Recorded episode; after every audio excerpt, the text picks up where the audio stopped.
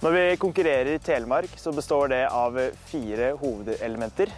Da har du storslalåmsvinger, hvor du tar telemarksving. Og så har du et hopp, hvor du må nå en hoppgrense. Og hvis du ikke når den, så får du tilleggstid. Videre så har vi reipelisja, som er en slags stor dosering som du skal kjøre rundt. Og til slutt så er det skøytedelen, hvor eh, det er om å gjøre å bare skøyte raskest.